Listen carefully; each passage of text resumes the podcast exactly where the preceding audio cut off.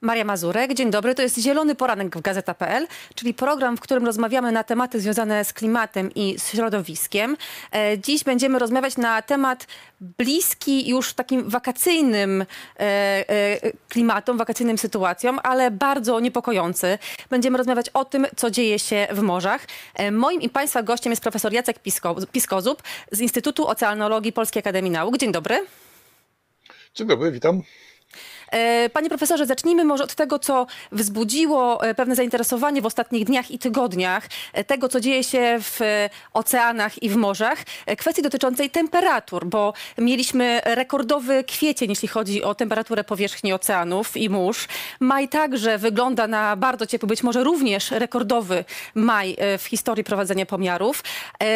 I być może nie byłoby to nic dziwnego, bo e, przed nami e, początek zjawiska El Niño, ale tego El Niño tak naprawdę jeszcze nie ma, a morza już się gotują. Co się dzieje?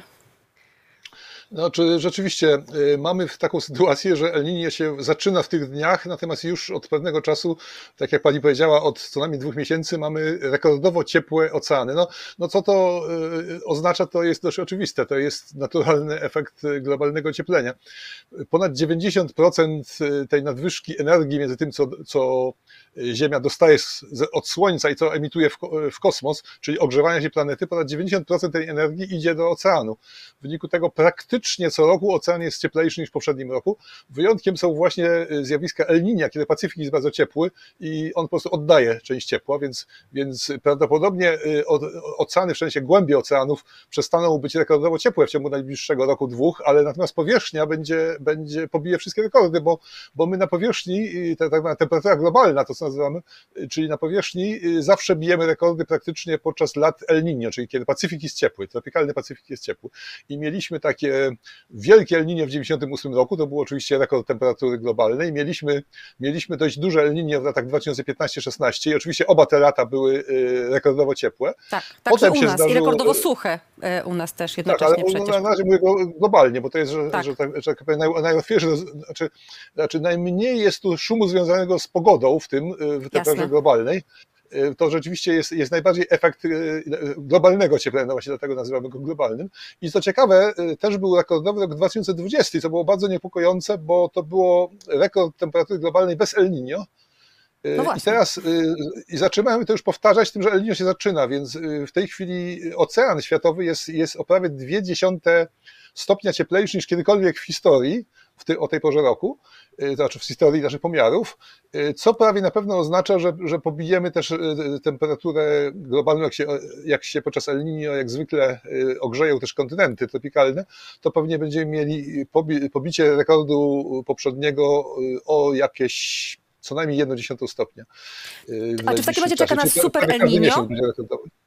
Czy, czeka nas super, czy nas czeka teraz super El Niño, w związku z tym, że nałożą się te dwa efekty, że morza już są ciepłe, a do tego jeszcze to dojdzie ten efekt e, El Niño wzmacniający? To znaczy w sensie intensywności samych zjawisk El Niño, w sensie tam jak bierzemy e, ciśnienia, prędkości wiatru, prądy, to może nie być rekordowe, ale w sensie temperatury na pewno będzie rekordowe, to, bo to po prostu nakłada się na, na coraz cieplejszy świat, więc, więc mierzone czy, tylko temperaturą El Niño, właściwie każde po kolei to duże El Niño, tak jak powiedziałem, 98 rok, 2015 15 i, i to będzie jeszcze pewnie większe, co nie znaczy, że to jest intensywniejsze zjawisko, ale po prostu się, się nakłada na już ciepłą, na ciepły świat. To jest bardzo niepokojące, że mieliśmy tak ciepły kwiecień, zanim się zaczęło El Niño, bo to znaczy, że, że rzeczywiście no, bicie rekordów będzie, będzie praktycznie na tego El Niño bardzo, bardzo łatwe, bo El Niño ogrzewa całe tropiki praktycznie, y, a tropiki to jest połowa, połowa świata i to się też, zresztą stopniowo potem przenosi na północ i południe, więc, więc my to gdzieś w przyszłym roku też, też pewnie do nas dojdzie ten efekt w jakiś sposób.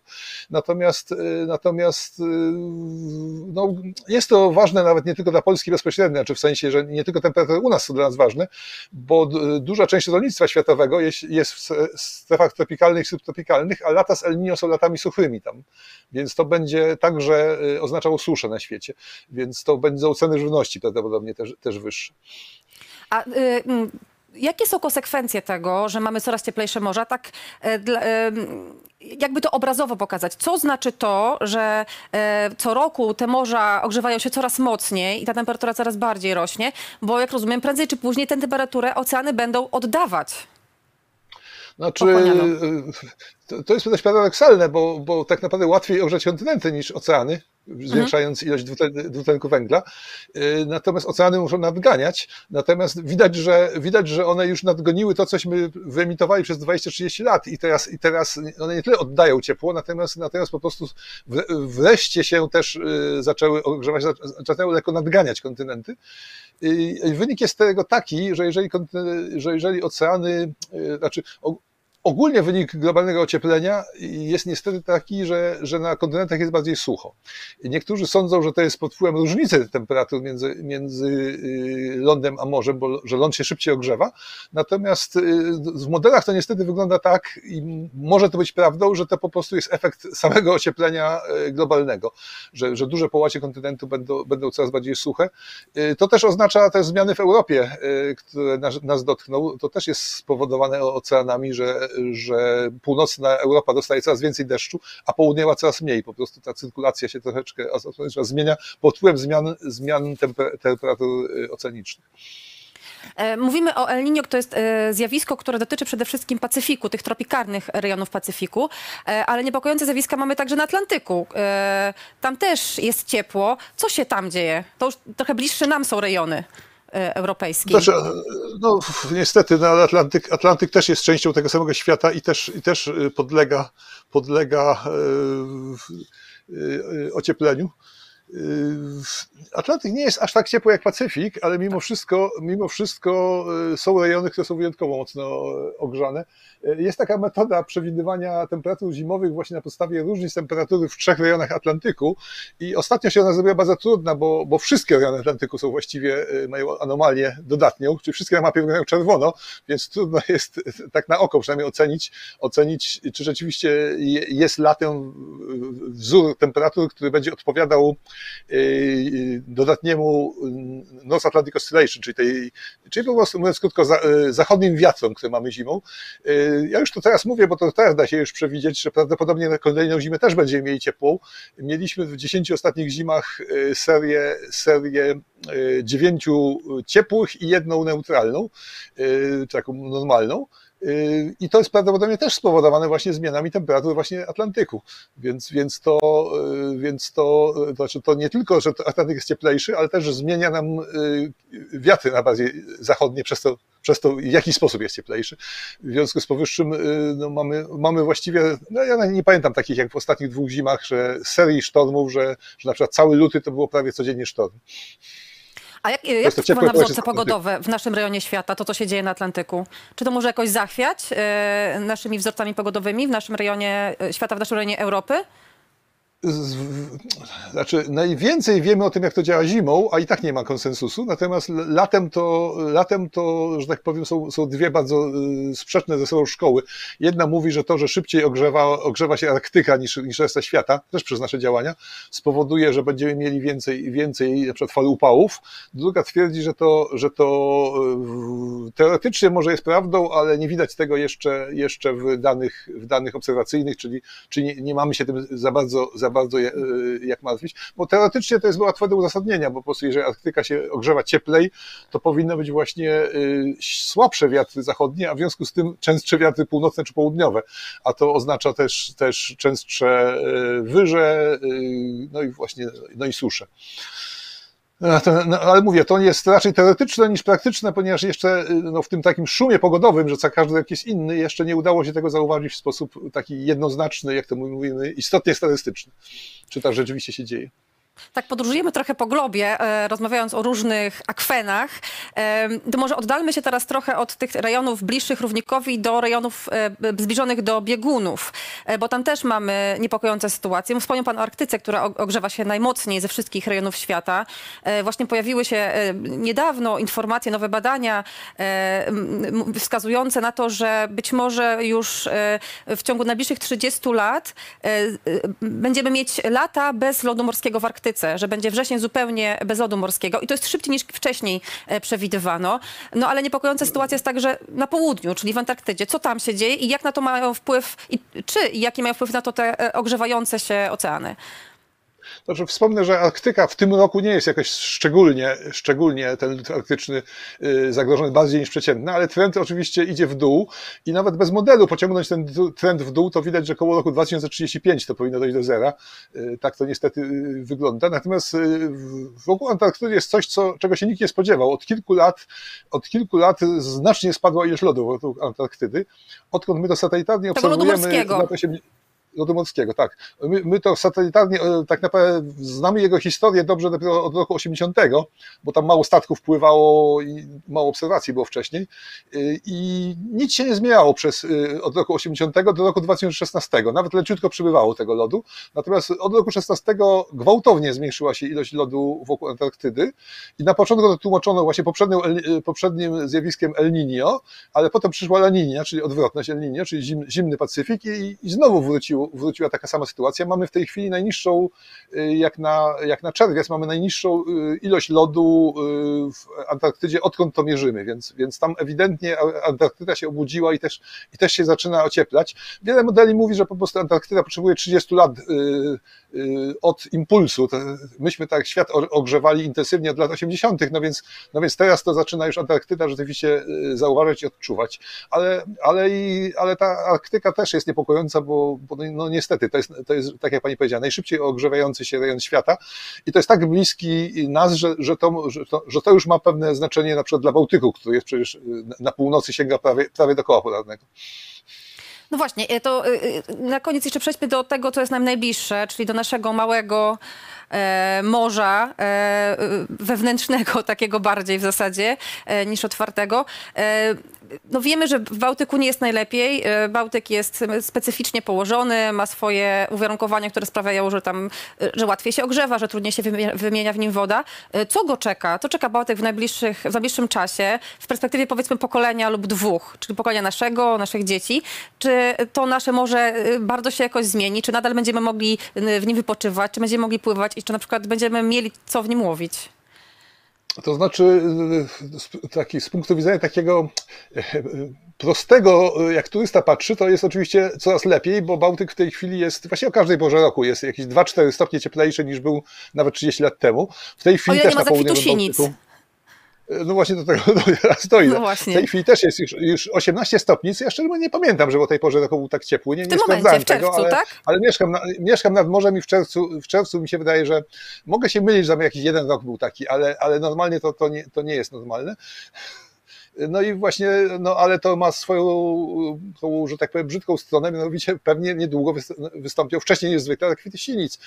A tego turyści nie lubią, bo to są zamknięte plaże i to, zresztą to jest bardzo złe dla całego, dla całego cyklu troficznego, czyli tego, co, co je plankton, potem co je, co je znaczy zwierząt, które jedzą i, i ten plankton, czyli ryb, Y, oczywiście ogrzewanie Bałtyku nie jest dobre ani dla dorsza, ani dla śledzia.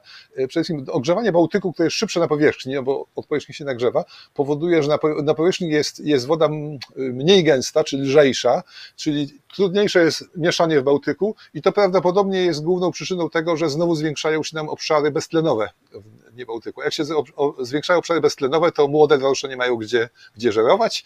Jak się robi Bałtyk coraz cieplejszy zimą, to z kolei śledzie nie mają gdzie robić tarła, bo one to lubią robić w konkretnej temperaturze, tam około 3-4 stopni i na zachodnim Bałtyku już, już tak zimnych wód nie ma zimą.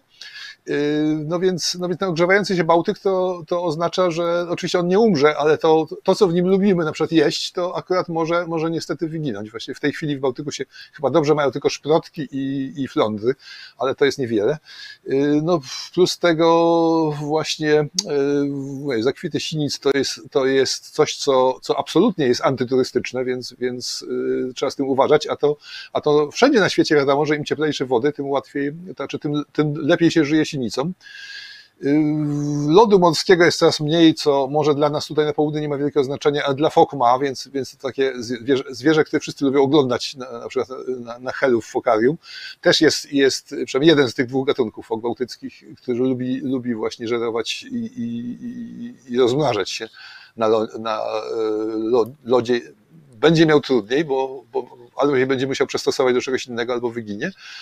Także to no, Bałtyk jakiś będzie, ale to już nie będzie ten Bałtyk, który znamy. I to, i to nie, wcale nie zawsze jest dobrze, że, że jest cieplejszy. On jest zresztą cieplejszy o każdej porze roku, bo, bo zimą tak samo. No, w Sopocie już prawie nie ma śniegu, dlatego że ciężko jest mieć śnieg tuż nad morzem, jak jest morze, ma plus 4 stopnie zamiast zera, jak dawniej bywało, a to właściwie trwa tak przez całą zimę aż do lutego w, w tej chwili na Bałtyku. E, Czego jeszcze nie wiemy, jeśli chodzi o to, co dzieje się e, w morzach i oceanach tak globalnie? Czy, e, nad czym teraz naukowcy teraz najbardziej się zastanawiają, jeśli chodzi o te zjawiska powiązane ze zmianą klimatu? Znaczy, oczywiście, naj, naj, znaczy, jeżeli chodzi o zmianę klimatu, to najsłabiej zrozumiałym jest, jest efekt klimatu na chmury. Tak, i- to także dotyczy morskich chmur, tych takich niskich, yy, niskich stratokomulusów, które są, są wszędzie nad, nad y, oceanami ciepłymi.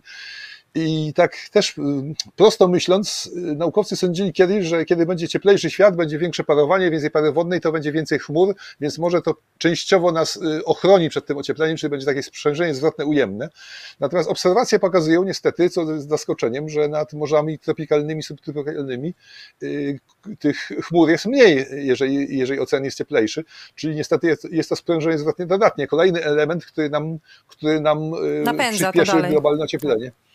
Y, Jak to poprawiono w modelach, to się okazało, że, że podwojenie dwutlenku węgla to już nie jest 3 stopnie, a może nawet 5. Być może to jest błąd modeli, to znaczy w sensie, że tam były dwa błędy, które jeden poprawiony, a drugiego nie, ale jest to bardzo niepokojące, że, że najnowsze wersje modeli pokazują znacznie szybsze ocieplanie niż, niż, niż dotychczas. A jakby pan podsumował tak już na koniec teraz ogólnie to, co teraz e, właśnie w ocenach się dzieje, z czym mamy do czynienia, e, e, co nas powinno i jak bardzo najbardziej martwić z tych e, różnych e, rzeczy, które teraz się w ocenach dzieją? To znaczy, jeszcze nie wspomnieliśmy o takich zjawiskach, które cały czas trwają, jak to, że y, coraz więcej dwutlenku węgla, to znaczy coraz większe y, też, mm, też nazywamy to zakwaszeniem, to jest, to jest trochę w cudzysłowie, to znaczy coraz mniej, mniej zasadowy jest, jest, jest, jest ocean, coraz bardziej się zbliża do, do neutralnego, ale to jest źle dla organizmów, które budują sobie skorupki wapienne, bo to jest coraz trudniej je robić.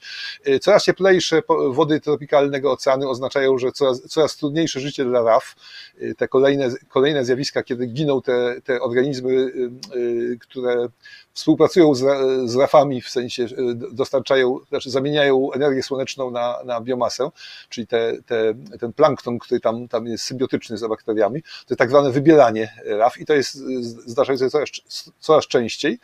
No i to, że, że w ogóle nawet może nam się zmienić y, cała, cały system cyrkulacji oceanicznej, bo jeżeli topienie lodu grenlandzkiego pokruje północny Atlantyk sło- słodszą nieco wodą, to ten Golfstrom, który będzie przypływał z południa, ciągle będzie przypływał, ale on nie będzie oddawał ciepła tak daleko na północy jak teraz, będzie oddawał mniej ciepła i bardziej na południu. Czyli, Czy Europa się to- och- ochłodzi? Europa nie, ale północny Atlantyk tak i to też nie wiemy z, kolei, co, co to spowoduje, co to spowoduje na przykład dla, dla właśnie zachodnich wiatrów zimowych, e, zimowych w Europie. To jest, to jest wszystko bardzo niebezpieczny eksperyment na, na planecie, który nie, nie wszystkie konsekwencje rozumiemy. Niektórzy planują na przykład, a zróbmy co, geoinżynierię, znaczy na przykład za, e, z, z, no w sumie nie chciałem powiedzieć zatrujmy, no, zanieczyśćmy stratosferę y, aerozolem, y, Tak. który odbija światło i w ten sposób zmniejszymy ilość światła, które dochodzi do powierzchni Ziemi, ale modele pokazują różne rzeczy, jak to zrobimy, ale pra- prawie na pewno się zmienią opady, prawie na pewno ochłodzimy bardziej y, tropiki niż Arktykę, ale to właśnie powinniśmy na odwrót, no bo trudno ochładzać tą metodą rejony, które mają i tak mało światła, więc no, no nie bardzo widać, jakie jest inne wyjście, oprócz tego najbardziej oczywistego, ale, ale najtrudniejszego do przyjęcia, to znaczy, że powinniśmy po prostu jak najszybciej przestać spalać ropę, gaz i, i węgiel, bo, bo niestety, ale to, to, to wszystko, o czym właśnie dzisiaj mówimy, to jest, to jest skutek te, tych działań. E, dziękuję bardzo. To niezbyt pozytywne informacje e, na, e, w taki e, nasz długi, piękny weekend. E, jeszcze tylko na koniec bym pana zapytała, czy to jest wszystko nieuchronne? Czy jeszcze możemy to cofnąć? Czy po prostu już do części tych zmian powinniśmy się przyzwyczaić albo czekać, jak to się rozwinie? No niestety, jeżeli szybko nie przestaniemy, a nie wygląda, że przestaniemy y, spalać te paliwa kopalne, to, nie, to jest bardzo nieuchronne i jeszcze nie, nie wspomnieliśmy jeszcze o największym słoniu cho- schowanym w tym pokoju, to znaczy wzroście poziomu morza. Od tego, ile my, ile my spalimy tego paliw kopalnych w tym wieku, może zależeć wzrost poziomu morza przez najbliższe parę wieków. I tu mówimy o metrach. Bo jeżeli zdestabilizujemy lądolud Antarktydy, a nie wiemy, kiedy to nastąpi, ale to może jeszcze być w tym wieku, to po prostu, no nawet jeżeli z, y, zaczniemy usuwać dwutlenek węgla z atmosfery, to to już będzie nieuchronne kilka metrów po prostu, bo, bo ten lądolud się y, spłynie do morza i roztopi i, i nie odbuduje łatwo. No nic, pewne rzeczy są nieuchronne, z pewnymi jeszcze możemy sobie próbować e, poradzić, a na pewno powinniśmy robić to szybko, bo to, co robimy teraz, e, zmieni e, przyszłość najbliższych przynajmniej kilku pokoleń i to nieodwracalnie. Dziękuję bardzo. Moim Państwa gościem był profesor Jacek Piskozub e, z Instytutu Oceanolo- Oceanologii Polskiej Akademii Nauk. Dziękuję bardzo.